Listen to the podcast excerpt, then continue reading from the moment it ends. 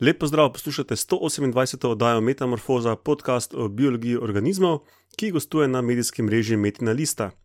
Jaz sem Matjaš Gregorič in to je posebna oddaja Minimorfoza. Ker to snemam prvič, naj povem, zakaj gre.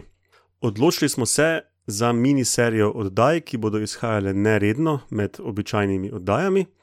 In v samo nekaj minutah bom predstavil pet nedavnih raziskav, o katerih se nismo pogovarjali v glavni oddaji, pa so vseeno zanimive. E, večinoma bom verjetno to predstavil sam, mogoče pa še kdaj s kom, to bomo videli sproti.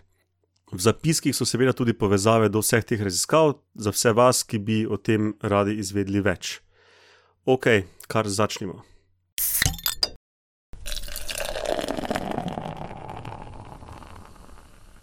Raziskava ena. Pojav in diverzifikacija zelenih rastlin pred stotinami milijoni let je bila ključna tudi za diverzifikacijo drugega življenja na planetu.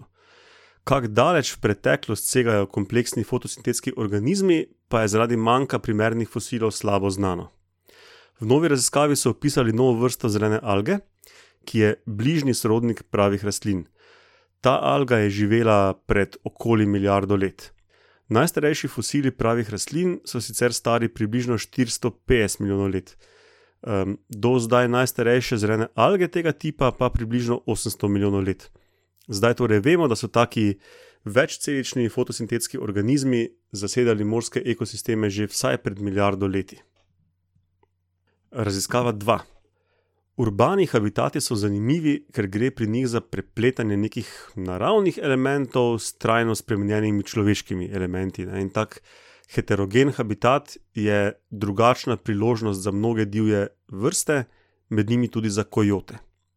Kojoti so severnoameriški psi, ki so zelo pogosti v kakšnih mestih, eh, tudi zelo velikih, naprimer v Los Angelesu in Chicagu.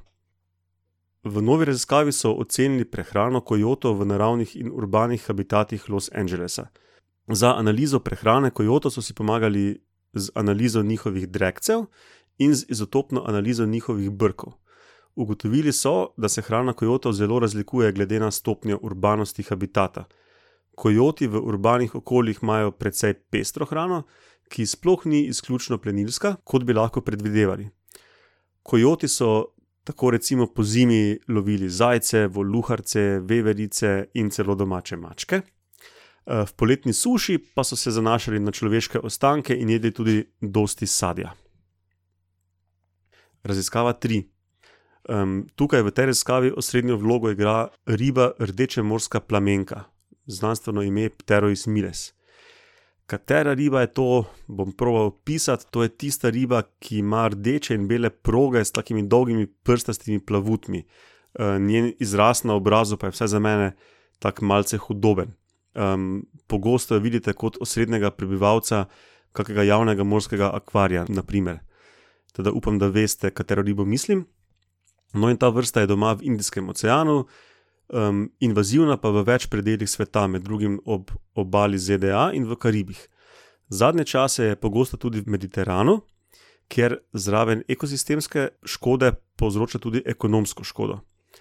V novem članku so išli izsledki raziskave njihovega življenja v Mediteranu. Ta vrsta se tudi v tem delu sveta počuti odlično, mladiči odraščajo hitro, velikost odraslih celo presega velikost tistih iz naravnega okolja, in razmnožujejo se celo leto. Tako da avtori logično sklenejo, da se jih v Mediteranu ne bomo kar tako znebili. Raziskava 4. Domače mačke predstavljajo naravovarstveni problem, to zdaj že dobro vemo.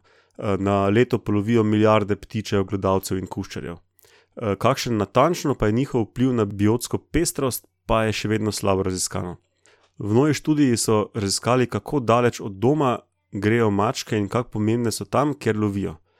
Ugotovili so, da je domači okoliš mačk presenetljivo majhen, gibljajo se v manj kot enem kilometru radiusa od doma, lovijo v glavnem v urbanih okoljih, se pravi, redko zahajajo v kakšna popolnoma naravna okolja, recimo v kakšne lepe gozdove in podobno.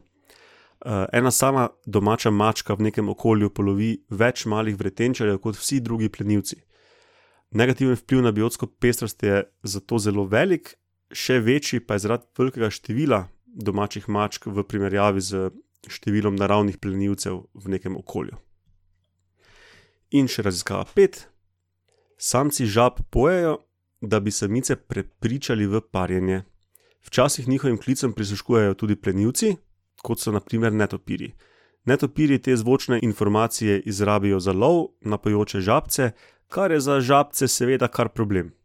V novi raziskavi ugotavljajo, da so žabci južnoameriške vrste Smiliska sila proti netopirjem razvili obrambno taktiko. Splošno je pri žabah samci običajno pojejo takrat, ko so drugi tiho, zato da se njih same lažje razloči, se pravi, da bi samice izbrale prav njih. Pri tej južnoameriški vrsti pa samci pojejo kar en čez drugega, vse poprek.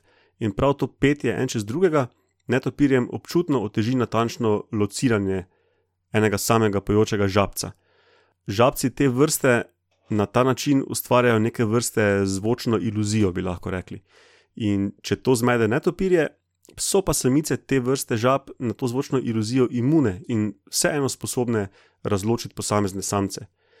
Tako se kljub netopirjem in kljub petju vse poprek, žabje veselje lahko nadaljuje.